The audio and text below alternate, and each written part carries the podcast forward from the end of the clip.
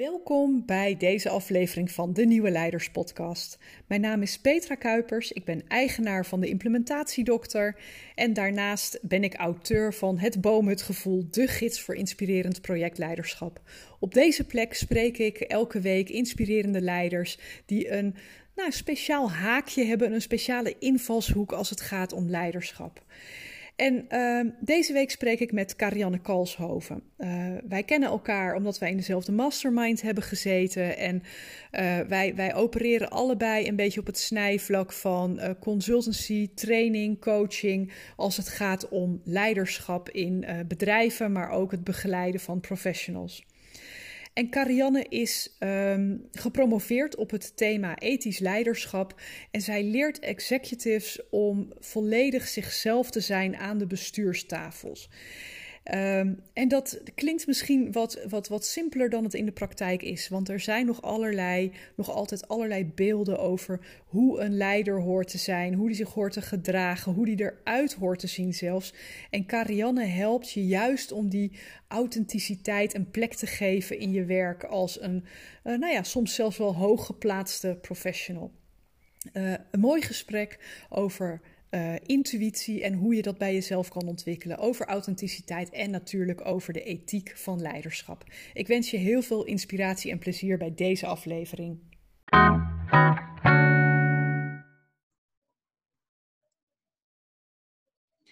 Hey Karianne, welkom Hi. bij de Nieuwe Leiders Podcast. Dank je, dank je. Um, uh, ja, Karianne Kalshoven, uh, executive coaching. En jouw, jouw tagline op jouw website is heel mooi: compleet jezelf zijn tussen de stropdassen. En ik heb het idee dat daar een verhaal achter zit. Kan je ons eens meenemen in uh, ja, wie jij bent en hoe jij gekomen bent op het, ja, op het punt waar jij nu zit tussen de stropdassen? Ja, ja dat is een mooie vraag. Um, ik, ik ben opgegroeid in een gezin van een huisarts. En er waren altijd heel veel uh, verwachtingen over hoe je je hoort gedragen als dochter van een huisarts, of überhaupt als huisarts. En we waren een soort van heel interessant voor iedereen. Ja. En mensen vergaten dat een huisarts ook gewoon een vader is en gewoon een mens is. Dus ik kreeg dan wel eens van vriendinnetjes, oh, ligt jouw vader onder een dekentje op de bank? Dat is raar, weet je wel. Dat is, ik ben al heel vroeg soort van geconfronteerd met verwachtingen over hoe dingen horen en moeten zijn. Ja.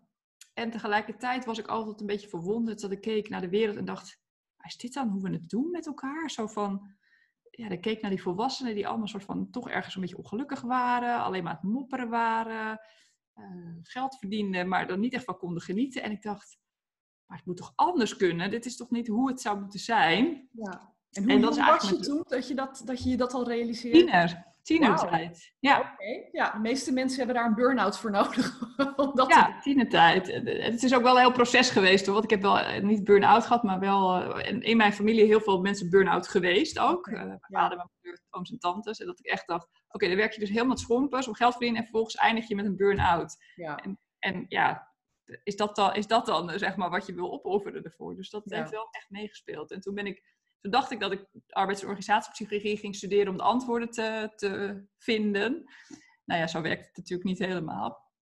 Uh, dus de antwoorden zijn ook gegaan omdat ik dus ook zelf mijn eigen groei ben aangegaan. Ik heb in mijn studententijd hele heftige RSI gehad. Oké. Een muisarm. Ja. En, uh, en daarin heb ik wel echt geleerd. Ik moest van de huisarts naar de fysio. Dat werkte eigenlijk nooit. Uh, en toen ben ik regie gaan pakken op mijn eigen uh, groei en ontwikkeling. En toen ben ik Ja. gaan zeggen, oké, ik wil naar een psycholoog en dit en dat. En toen heb ik het totaalpakket gedaan. Dus Want mentaal. wat maakte dat jij daar toen al een aanknopingspunt in zag? Want dat was toen heel erg een muisarm, werd als iets mechanisch gezien in die periode. Ja, omdat ik merkte dat dat mechanische echt niet hielp. Nee. Ik had een maand computerverbod en uh, twee dagen later zat het er net zo he heftig als het da daarvoor. Ja. En de fysio was hartstikke lekker voor een uur en daarna was het gewoon weer terug. Mm -hmm. Dus ik voelde van, als ik, door wil, als ik door wil in het leven en als ik het verschil wil maken in het leven, moet ik een andere pad gaan bewandelen. En dan moet ik er zelf regie op voeren. Want was dat een drive voor je, verschil willen maken in het leven? Ja, want ik had dus als klein meisje eigenlijk al bedacht van ik wilde het anders doen dan hoe de, hoe de reguliere wereld het nu in elkaar heeft gezet. En was dat dan voor jezelf of voor anderen dat je het anders wilde doen? Misschien dat in, in essentie het wel voor anderen was, maar ik voelde wel ook dat dat alleen maar kon als ik daar zelf ook een weg in zou vinden. Oké. Dus daar, daar zit dat daar zo wel een soort verband zat. Maar het is wel altijd een soort van, ergens natuurlijk altijd makkelijker voor anderen dan voor jezelf. Ja. Dus het is wel echt even, want het is, ja, uh, het is ook wel, het is niet altijd een makkelijke tocht, die tocht naar jezelf. En, nee. Um, want ja, heb je dat altijd gedaan? Hè? Want je hebt dus je, je academische studie eerst gedaan en ja. parallel daaraan zelfonderzoek. Ja. Ben je dat blijven doen? Is dat een, een soort structureel twee Ja, ik ben, het, ik ben, daarna ook nog gaan promoveren. Ja. En toen ben ik bij een uh, ja, coach of nou ja, therapeut, ik weet niet precies wat, wat de officiële titel is, ook terechtgekomen. Omdat ik echt merkte dat ik heel moe was aan het einde van de week. Ja. Um, en ja, ook daarin voelde ik van ja, dit is niet goed. En mijn hele familie heeft een burn-out gehad. Dus dat, dat wilde ik niet. Nee. Dus als ik op vrijdag moet thuiskomen, dan gaat er iets niet goed. Dus ik ben met haar nog weer een nieuwe zoektocht aangegaan. Uh, nou ja, inderdaad over heel veel willen geven, wat minder durven vragen. Nou, allemaal dat soort vraagstukken zijn daar naar boven gekomen. Mm -hmm. Dus dat is wel blijven spelen. Ja. Hey, en, en je zegt even uh, in een bijzin van, ik ging toen ook promoveren, maar jij bent dus gepromoveerd op ethiek en leiderschap. Waar, waar, Ja. kwam, waar kwam dat thema vandaan? Ja, ik weet nog dat ik toen ik. eh, het was niet heel, heel makkelijk om een promotieplek te krijgen. En ik was ook niet een briljant student of zo. Dus de briljante studenten krijgen dat, dat soort plekken natuurlijk heel makkelijk. Ja, die krijgen het Eh, aangeboden, ja. Ja, dus, ik- dus het was wel. En toen, in die tijd was ethiek en leiderschap nog helemaal niet zo eh hot als nu of zo. Nee. ik ben er gewoon echt wel gesprekken met mensen aangegaan. Van ja, is dit nou een interessant thema? Is dit nou iets wat bij mij past? Is dit iets eh, wat belangrijk ook is in, in het bedrijfsleven? Dus ik ben daar gesprekken over aangegaan. En zodoende kreeg het wat meer handen en voeten voor mij. Dat ik dacht, ja, ik, het past wel echt bij me. Een soort van eh, nadenken over het goede doen, zeg maar. Ja, Wat het ook is, hè. Dat is natuurlijk voor iedereen ook weer een beetje anders. Maar maar had je toen al iets met leiderschap of kwam dat op je pad vanwege deze kans om te promoveren op dit ja, dat thema? kwam wel op, op mijn pad. Ja, want ik was natuurlijk 26 of zo, 25. Dus dan is leiderschap ook nog wel wat verder weg Ja. eh, ja, van je. Dus Maar dat kan wel... je nog terughalen hoe jij, zeg maar bij de start van, jouw eh, van jouw promotieonderzoek, hoe jij eh, dacht over leiderschap? Wat, wat, wat, wat voor beelden je daarbij had?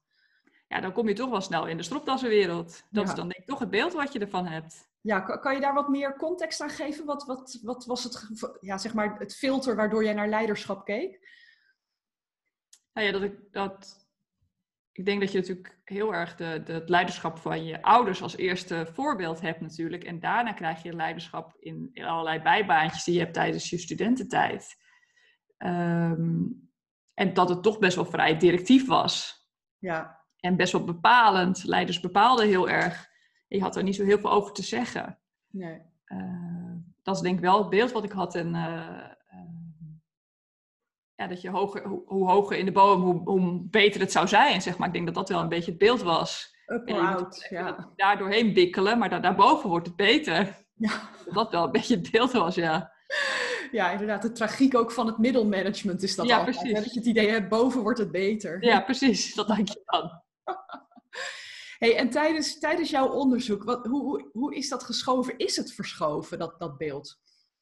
Ja, mega. Maar ik denk het, het meest eigenlijk toen ik daarna eh, besloot om meer te willen, meer impact te willen hebben met al die kennis die ik had. Ja, Ja. Want op de universiteit is hartstikke leuk, geef je college, is wel wat executive onderwijs natuurlijk.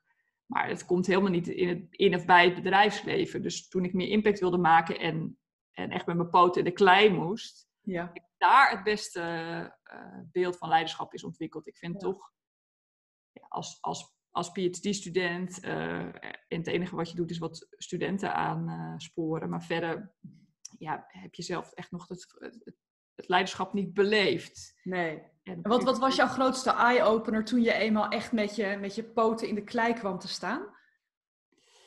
Ehm, nou, dat er eigenlijk heel weinig mensen eh, bewust bezig zijn met leiderschap. Ik was, daar was ik wel een soort van.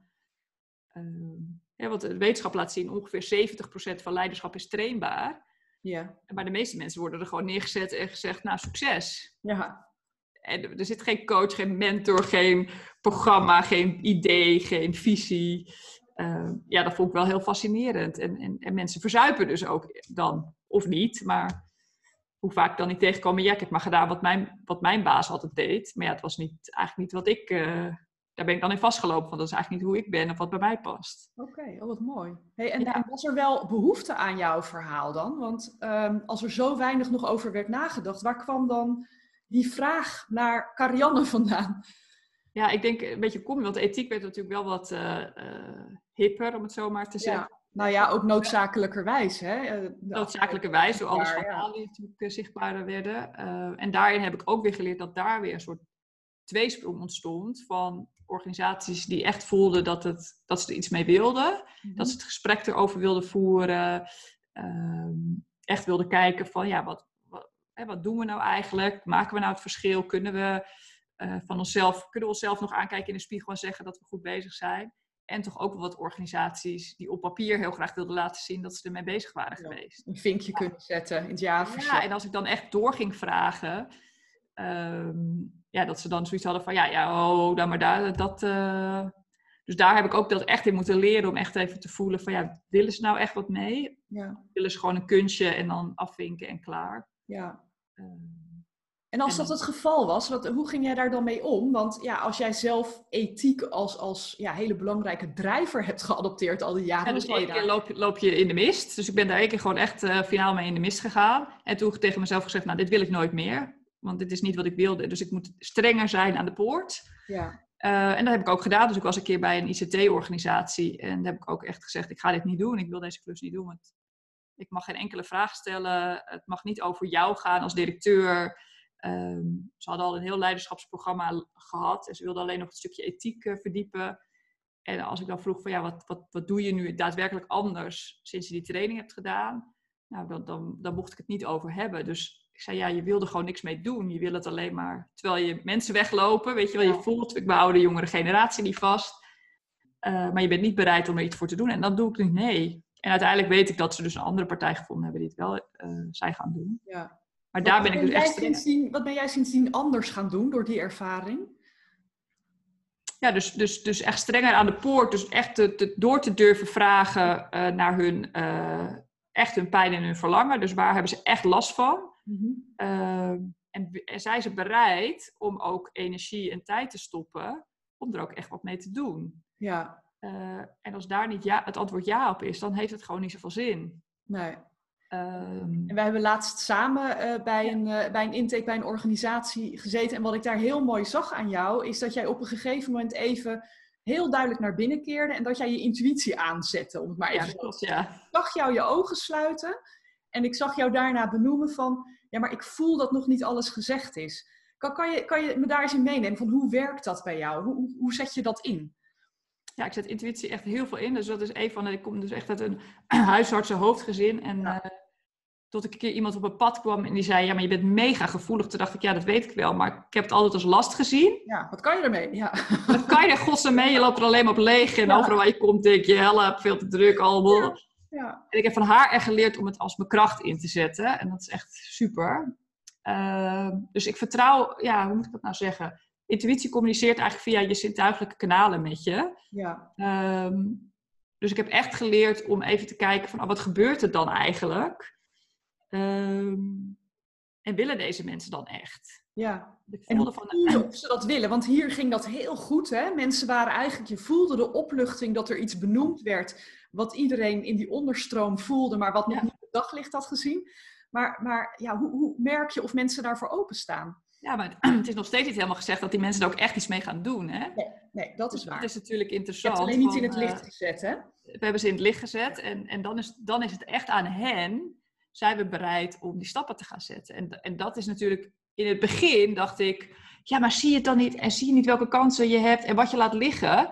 En dat ik dan heel hard wilde werken om het soort van voor hen te gaan doen of voor te leven. En dat heb ik wel geleerd om dan te denken, ja, nu is het aan jullie ja, anders sta je heel hard aan het gras te trekken om het harder te laten groeien. Ja, omdat je zo graag ziet en je ziet het en je ziet het gebeuren. En, uh, maar het is echt aan hen om dan te zeggen, ja, dit is wat ik nu je kan laten zien waar, waar het misgaat. En, en waarom het niet loopt, waarom de samenwerking niet loopt.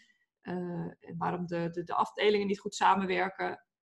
Maar als je niet bereid bent om dit te gaan doen, ja, dan, dan houdt het echt op. Dan ga ik daar niet... Uh, nee. paard en wagen meer voorhangen, zeg maar. Nee, inderdaad. Maar je, je, je tapt dus in, zeg maar, op die intuïtie. En dat geef je altijd terug, ongeacht of het allemaal hele hoofdige, rationele mensen zijn of niet. Klopt. Maar de knip zit hem uiteindelijk in, willen zij dat aangaan, ja of nee? Ja, maar ja, dus mijn intuïtie is daarin wel uh, belangrijk. Omdat ik dus bijvoorbeeld ook in de, na die sessie, in de follow-up, hadden jij en ik ook heel duidelijk, oh ja, ik moet die persoon nog even, uh, die bestuurder nog even spreken.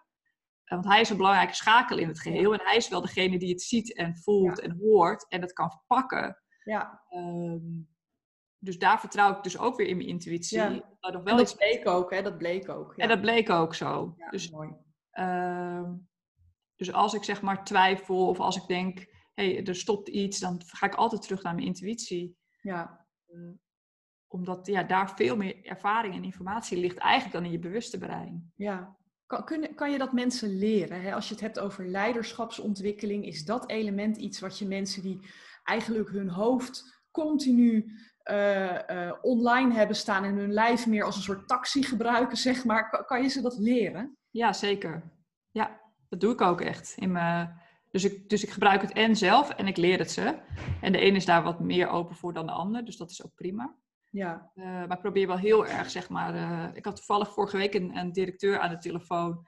En die was er helemaal niet van bewust. Maar zij die vertelde, die was gewoon verhalen uit te vertellen. Ik zeg, goh, uh, het lijkt wel of jouw intuïtie met geuren een beetje communiceert. En ze, kijk, en ze keek me echt zo raar aan. Je hebt gelijk, ik, ik ruik dan een parfum of ik ruik een dit. En nou, super interessant. Dus als jij weet, oh, deze geur staat voor ja. ik linksaf en deze geur staat voor rechtsaf, dan kun je in no time een besluit nemen. Moet je kijken hoeveel tijd dat bespaart. Ja, ja, geweldig. Alleen wat we dus, en dat laat wetenschappelijk onderzoek ook wel zien, wat we dan doen is, we hebben een intuïtief gevoel, we hebben niet geleerd dat we daarnaar mogen luisteren en daar iets mee mogen doen. Dus dan gaan we het rationaliseren. Ja. En dat kost heel veel tijd, want we moeten allemaal rationele argumenten verzinnen om ons onderbuikgevoel te ja. beantwoorden, zeg maar. Ja, dus daar zit een soort bu ja, een buffer-effect bijna, dat je daarna met je hoofd probeert daar een gevolg aan te geven. Ja. Ja, ja. Ik kan iedereen vertellen van als jij gewoon, uh, als ik je iets laat zien wat echt in je vak zit, hè, dus een makkelijkste voorbeeld is misschien een uh, financiële man, financiële directeur, als ik die gewoon een, een, een, cijfers geef, die weet in no time of het klopt of niet. En dan heeft hij het nog niet gezien. Ja, en dat is die gut feeling. Vrouwen noemen het vaak intuïtie en mannen gut feeling. Ik merk dat er vaak een verschil in zit, maar het is in feite hetzelfde. Ja. ja. zo zijn er ook mensen die bijvoorbeeld een heel beeld voor zich zien. Dus mhm. als je bijvoorbeeld een, een, belangrijke vergadering hebt en je bent heel beeldend en je kunt gewoon die hele vergadering soort van al voor je zien in beeld, mm ja, dan hoef je alleen nog maar te doen wat je ziet. Ja. ja, en dat durven vertrouwen, daar zit natuurlijk een enorme groeimogelijkheid. Ja, daar zit een enorme groeimogelijkheid. En even het bruggetje, want uh, ik vind die tagline op jouw website dus heel mooi. Uh, compleet jezelf zijn tussen de stropdassen. Wat, wat is nou de, de, de hè, want het, daar zit een heel verhaal achter. Wat is nou waar jij in jouw praktijk tegenaan loopt met de executives die jij coacht, uh, waar ze het anders willen? Want ze, ze zoeken jou op omdat ze iets anders willen. Ja, dat is denk ik toch wel ehm, verwachtingen zijn over hoe je je hoort te gedragen als een directeur. En dus een verwachting over een pak of een stropdas. Of soms is het natuurlijk helemaal geen verwachting. Ehm, maar dat, dat zegt natuurlijk iets over de binnenkant natuurlijk. Als je al aan de buitenkant niet anders mag zijn, hoezo kan je dat aan de binnenkant dan wel? Ja. Ehm, en, er en het interessante is dat er dus heel veel andersdenkende directeuren zijn, die of eh, bijvoorbeeld alleen werken, hè, dus dat in de wat kleinere organisaties, of soort van een beetje stil zijn of zichzelf niet helemaal durven laten zien. Uh, en zich een beetje aanpassen aan het gemiddelde. Mhm. uh, terwijl er dus heel veel zijn. Alleen ze weten het gewoon niet van elkaar. Nee. En, en, eh. weten zij dat als ze met jou in zee gaan, lopen ze dan al vast? Of, of is dat iets wat jij blootlegt in, jou, in jouw coachtraject met hun? Een beetje een combinatie. Dus soms lopen ze echt vast. Mm soms uh, moeten ze bijvoorbeeld weg, hè, om een bepaalde reden, omdat het niet werkte. Dus dat is ook nog wel een, uh, een aanleiding. Uh, maar ook dus bijvoorbeeld uh, ja, dat het niet lekker loopt in het team of zo. En dat heb ik ook wel vaak, dat het in het directieteam gewoon niet lekker loopt. Mm -hmm. Dat het gewoon stroperig is. Um, dus ja, samenwerking is toch ook echt wel vaak een aanleiding. Ja, en wat, wat, kan jij doen op zo'n moment? Want jij hebt één iemand dan tegenover je. Wat, wat, wat doe je op zo'n moment?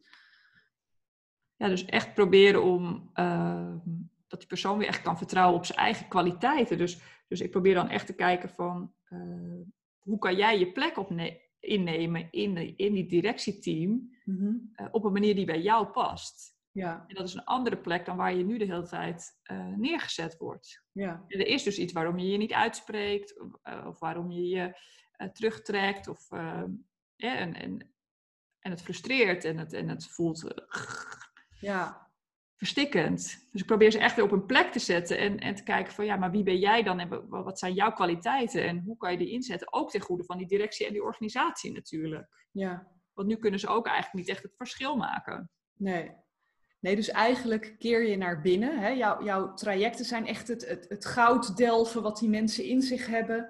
Eh, Ja, omdat ik geloof dat, dat leiderschap een combinatie is van, van jij als persoon, de omgeving en de sociale interacties. mhm. En je hebt het meeste invloed op jezelf en wat minder op die omgeving. Maar je zult ook merken, als je het zelf anders gaat doen, gaat die omgeving natuurlijk ook weer anders reageren. Ja, Ehm, ja. dus voor mij zit daar wel een begin. Mhm. En, en is iedereen daar klaar voor om dat aan te gaan met zichzelf? Of kom je Nee, niet altijd. Nee. Nee, niet altijd. Sommige mensen vinden het ook spannend. Eh, ik denk ook dat sommige mensen het spannend vinden, omdat het soms ook betekent dat de context gewoon niet past bij je en dat, dat je gewoon naar een andere plek moet. Mhm. Eh, ja, daar moet je dan wel toe bereid zijn natuurlijk, als je dat Ja. uiteindelijk zo voelt. Eh, maar soms is het ook, kijk, als je zo lang in een pak hebt rondgelopen terwijl dat niet jouw pak is, Ja. dan merk je ook dat eh, dat ook invloed heeft op privé bijvoorbeeld. Hè? Dus de mensen vinden het dan ook spannend. Oh ja, dan ga ik thuis ook andere dingen weer doen en andere dingen laten Ja. zien. Dus het heeft natuurlijk best wel grote impact. Alles gaat schuiven, ja. Alles gaat schuiven. alles gaan schuiven. Je hele, hele bewustzijn, je realiteit, ja. ja dat dat is ook nog wel is niet wat. iedereen klaar voor. Nee. En wat doe je in zo'n geval? Als, als je merkt tijdens zo'n traject van... hé, hey, nu, nu ja, eh, kom ik bij een, bij een muur waar ik niet doorheen kom? Of waar de ander niet doorheen wil, laat ik het Ik heb het eigenlijk vaker zeg maar, nog in de voorfase dat mensen het als te spannend vinden. En dat ik dan voel van oké, dat, dat. Dus dan doe ik soms een hele korte sessie. Even dat ik dan één ding kan aanpakken, maar niet het geheel. Ja, En tijdens de sessie eh, ja, ben ik wel eerlijk. Dus dan zal ik benoemen wat ik zie gebeuren. Mhm. Dan vind ik het ook wel aan de persoon of je dat wel of niet wil. Kijk, het is, het is, zijn, het is zijn of haar leven, het zijn, hij- zijn of haar keuzes. Maar ik wil wel eerlijk zijn over wat ik zie. ja, Eh, Ja. Dus als ik zeg van ja, ik zie dat je nu eh, je muur hoog houdt, terwijl ik denk dat hier enorm veel goud zit en dat we dit samen aan kunnen. Eh, maar het is wel aan jou of je bereid bent om daar naartoe te gaan of niet. En soms willen mensen het echt niet. nee. Maar ja, dat is dan ook ja, de keuze, denk ik dan. Ja. hey, en ehm, is dat jouw definitie van leiderschap? Dat je heel eerlijk bent in wat je ziet en wat je voelt? En eh, hoe ziet jouw persoonlijke definitie van leiderschap eruit? Van hoe jij eh, je laat zien in de wereld? Ja, Dus ik, ik zeg altijd wel tegen mijn klanten dat het niet zo interessant is wat ik leiderschap vind. Ik vind het belangrijker wat zij leiderschap vinden. Maar je vindt Maar ik probeer het wel-. Nee, maar ik probeer het wel voor te leven. Dus ik probeer wel de dingen waar ik het met hen over heb, Mhm. ook echt zelf te doen. Ja, Ehm, nou heb ik natuurlijk geen organisatie van duizend man, dus dat, dat is natuurlijk wel echt anders. Maar eh, ik probeer dus wel ook eerlijk te zijn en te laten zien wat het kan opleveren. Mhm. Eh, ik weet nog dat ik met jou eh, een keer over had dat ik net een miskamer had gehad en dat ik Ja. voor executive coaching stond. en, en dacht, ja, het enige wat ik kan doen is gewoon eerlijk zijn over waar ik zit in mijn proces. En het was de meest open, mooie sessie ever. Dus ik heb wel weer gezien en geleerd ook ehm, ja, dat wat het dan brengt door daar gewoon eerlijk en open Ja. over te zijn. En, Nou, en dat vond, ik, dat vond ik heel bijzonder aan het verhaal. Want eh, de- hey, je, je vertelt hem nu heel snel, maar dat waren hele rationele, financiële mensen ja, die in de bankaire wereld. Dus het was niet in een, in een zachte sector, Nee, om dat het klopt. even zo te noemen. Het was een harde sector en je stond voor een groep, als ik je goed begrepen heb, ook voornamelijk mannen. zeker. Waar je die hele kwetsbaarheid. Wat, wat gebeurt er op zo'n moment? Wat voor reactie krijg je dan? Ja, eigenlijk hartverwarmend. En dus, dus hoeveel mensen het eigenlijk niet hebben meegemaakt, maar het gewoon allemaal nooit verteld hebben. Ja, Dus dat is interessant dat er dan, dat, en in de pauzes mensen dan vertelden, ja, wij ook. Of, eh, ja, Maar ook dat ik dus vervolgens vraag, gewoon, waar lopen jullie tegenaan op je werk en waar liggen de dilemma's? ja, Ja, echt een openheid dat mensen zeiden, ja, dat heb ik nog nooit tegen iemand verteld. Of, ja. ja, dit is wel hele gevoelige informatie, dus het moet wel echt even onder ons blijven. Maar wat, waar ik nu mee zit, weet je wel. Dus er kwam echt een, Want ik deed dit al best wel een aantal jaren, maar er kwam nu een soort verdieping in die ik nog niet eerder zo had gevoeld. Ja, maar dat is een, waarschijnlijk dan ook gewoon die oprechte authenticiteit op dat moment. Want als je er een trucje van maakt, van nou, ik ga nu iets vertellen over mijn overspannenheid, dan, dan werkt het niet. Maar als je dit brengt van, joh, dit heb ik meegemaakt, dit is wat jullie voelen als ik misschien een beetje afwezig ben. Dat is super krachtig. En ik voelde gewoon echt op de weg naartoe, ik moet dit delen, anders kan ik daar niet zijn. Ja. Uh, dus het kwam ook echt uit, me, uit mezelf dat ik, dat ik echt voelde van ik heb dit te doen. En dan vertrouw ik dus ook dan op dat dat dan is wat het is. Hoe spannend ik het ook vind. Ik zei, ik ga iets delen, ik vind het mega spannend. Mm Maar ik voel gewoon dat ik dit even heb te delen. Ja. Uh, het moest ook, en dan kan het ook in vijf minuten en dan kun je daarna gewoon uh, door. Dus, dus het was inderdaad geen trucje, het kwam echt uit mezelf. Wat, wat heeft dat betekend voor, voor de, de trainingen die je daarna hebt gedaan? Want ja, weet je, dit was echt ja, zeg maar net gebeurd. Hè? Echt heel heftig. Nog geen, geen 24 uur ervoor. Dus dat is ja. nogal wat. Maar heb je daarna dingen, ja, ga je er dan met een andere intentie in of een andere... Ja, dus ik heb wel, ja, want ik, dus, dus dat ik nog scherper ben op, ik wil die laag eronder dus hebben. Dus ja. dat ze dan ook niet meer, ja, wegkomen is wel een beetje niet het goede woord, maar dat ik ze ook bevraag op de laag eronder. Of dat ja. als ze dan een soort dilemma delen waarvan ik denk, tja, tja, tja. Ik zeg, goh, is er niet nog een andere die iets meer pijn doet? Snap je? Hoe, hoe ja. meer pijn die doet, hoe meer we hier ook het uh, verschil kunnen maken met elkaar. Ja, of nog weer iets pakken wat, dus wat dan op het moment bij mij speelt. Hè? Want er speelt bij mij natuurlijk ook altijd van alles. Ja. De ene is heftiger dan de ander, maar ook soms dan toch weer een ander voorbeeld te gebruiken. Ja. Die, die nu bij mij weer speelt, bijvoorbeeld. Ja, want je zit nu ook in een, in een forse periode en tegelijkertijd is je bedrijf gewoon goed aan het, uh, aan het groeien. Wil je, wil je daar iets over vertellen, over, over de spagaat waar jij op dit moment in zit? Ja, tuurlijk. Uh, dus we hebben iets van drie weken geleden, ja, tijd is dus een beetje relatief vergeten. Ja. Uh, het horen gekregen dat mijn moeder longkanker heeft, met uitzaaiing in de botten. Nou ja, dit de laatste fase van haar leven is, zeg maar. Ja. En dat was best wel een schok, want we zagen het helemaal niet aankomen. Ze ging ja. gewoon voor zenuwbeknelling.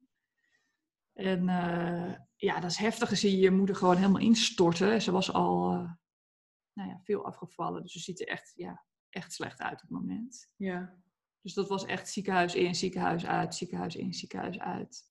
Um, en er kwam een soort punt dat ik dacht, oké, okay, ik moet even iets doen om dit vol te houden. Want ik wil er wel voor er zijn. Ja. Maar ik wil ook, ik wil ook dit, snap je? Want dit is ook waar, waar ik echt geloof dat ik het verschil kan maken. Dat ik, dat ik deze mensen wil dienen. Dat ik, uh, ik ben ook een leuker mens als ik dit ook mag zijn. En dit Ja. ook...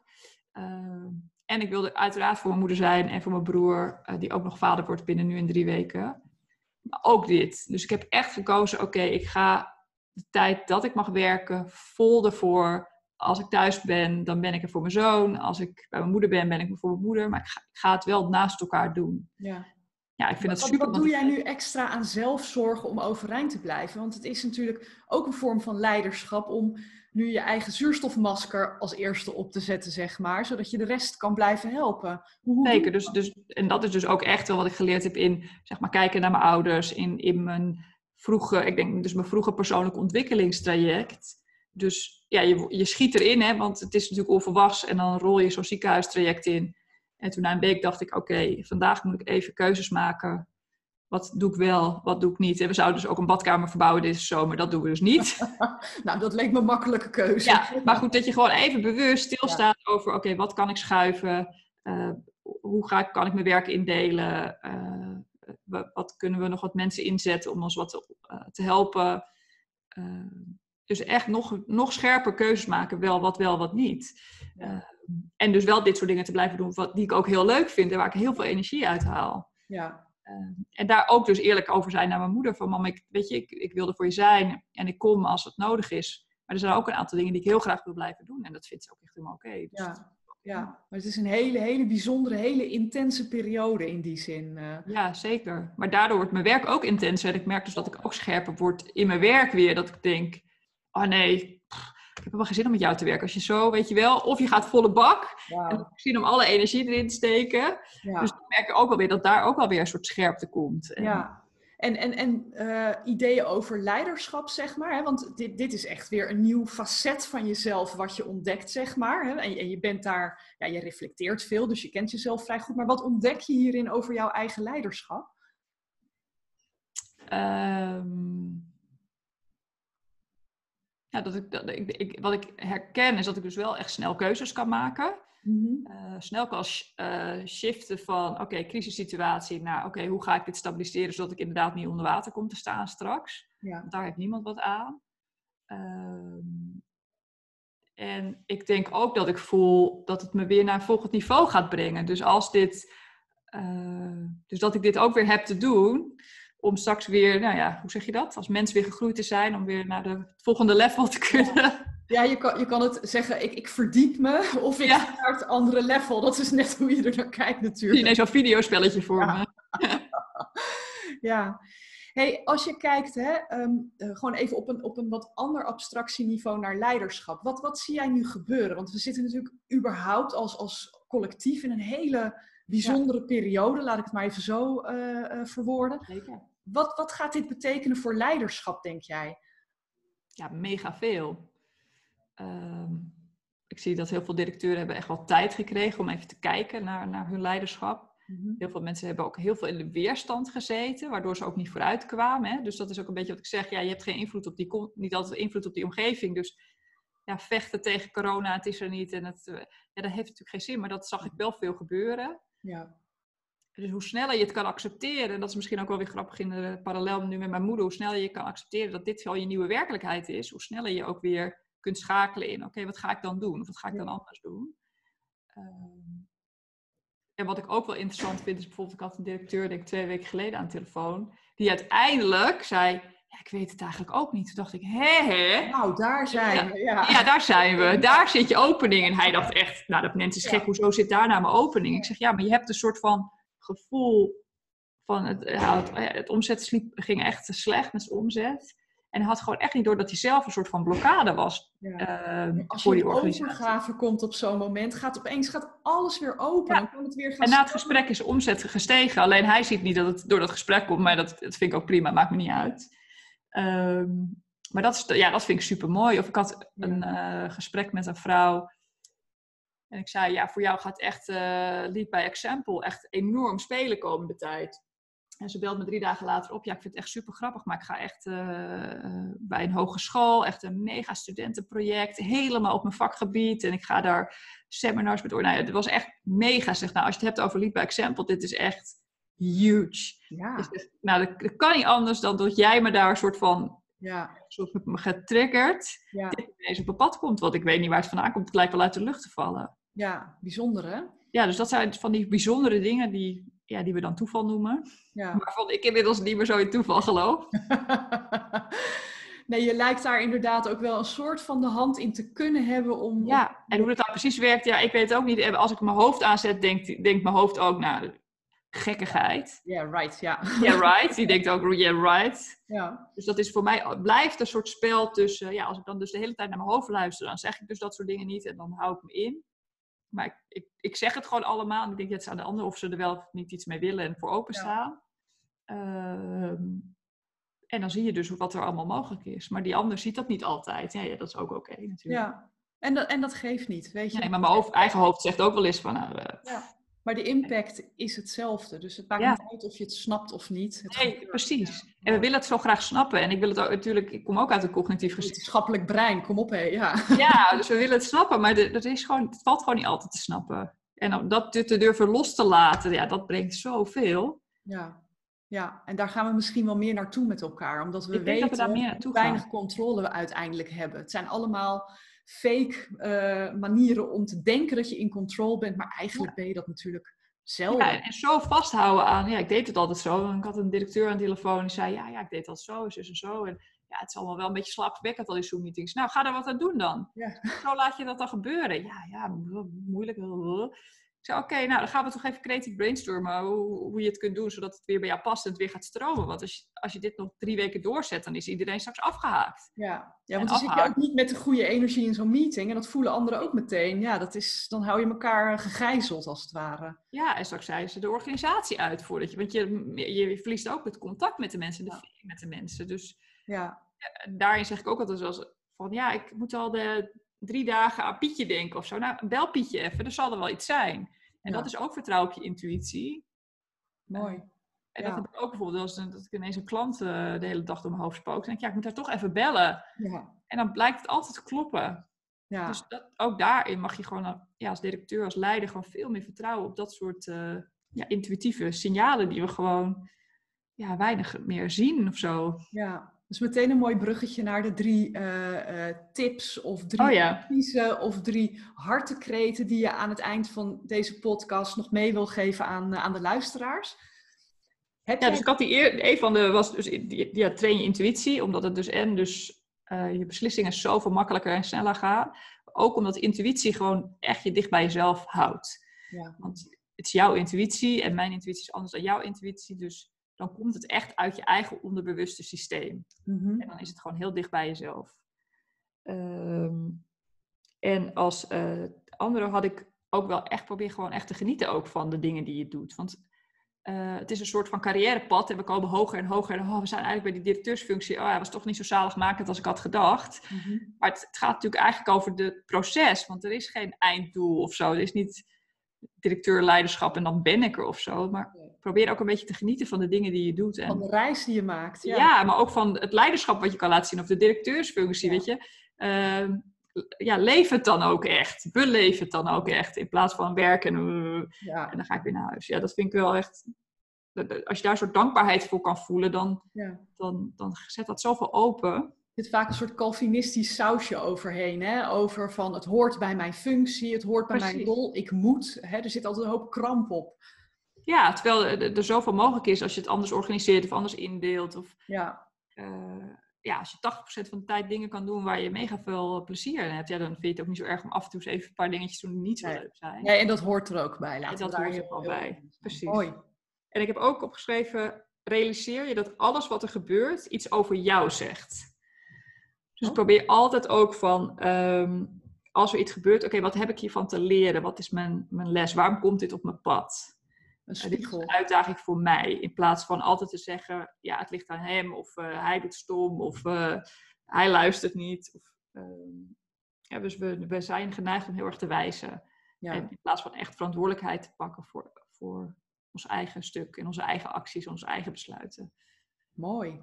Dankjewel. Er komt een hoop inspiratie naar boven. Ik hoop dat iedereen die luistert er net zoveel inspiratie uit gehaald heeft als ik. Ik wens je heel veel succes, ook heel veel sterkte in de komende periode, want dat zal je ook hard nodig hebben. En uh, nou ja, ik, uh, ik hoop dat we binnenkort weer, uh, weer mogen gaan samenwerken. Ja, dat hoop ik ook. Oké, okay, fijne dag. Fijne dag. Dit was hem weer voor deze week en natuurlijk hoop ik dat je er de nodige inspiratie uit hebt opgedaan. Wil je meer weten over Karianne? Kijk dan even in de show notes hoe je met haar kan linken via LinkedIn. En was deze aflevering en alle andere afleveringen van de Nieuwe Leiders Podcast waardevol voor je, dan zou je me ontzettend helpen als je sterren wilt achterlaten op Apple Podcast. Dat helpt namelijk om mijn podcast nog beter vindbaar te worden, waardoor mijn bereik ontzettend vergroot. Dus ken je andere mensen waar dit interessant voor is, dan is het een kleine moeite en dan bewijs je een grote dienst mee door eventjes uh, een minuutje te besteden aan het toekennen van wat sterren. En natuurlijk, als je luistert, maak een screenshot. Tag me erin op Instagram of op Facebook. En dan uh, kan ik het zien en kan ik daarop reageren. Dat vind ik hartstikke leuk. Volgende week weer een nieuw gesprek met weer een hele nieuwe gast met een bijzondere invalshoek. En ik hoop je daar natuurlijk weer te treffen. Tot volgende week.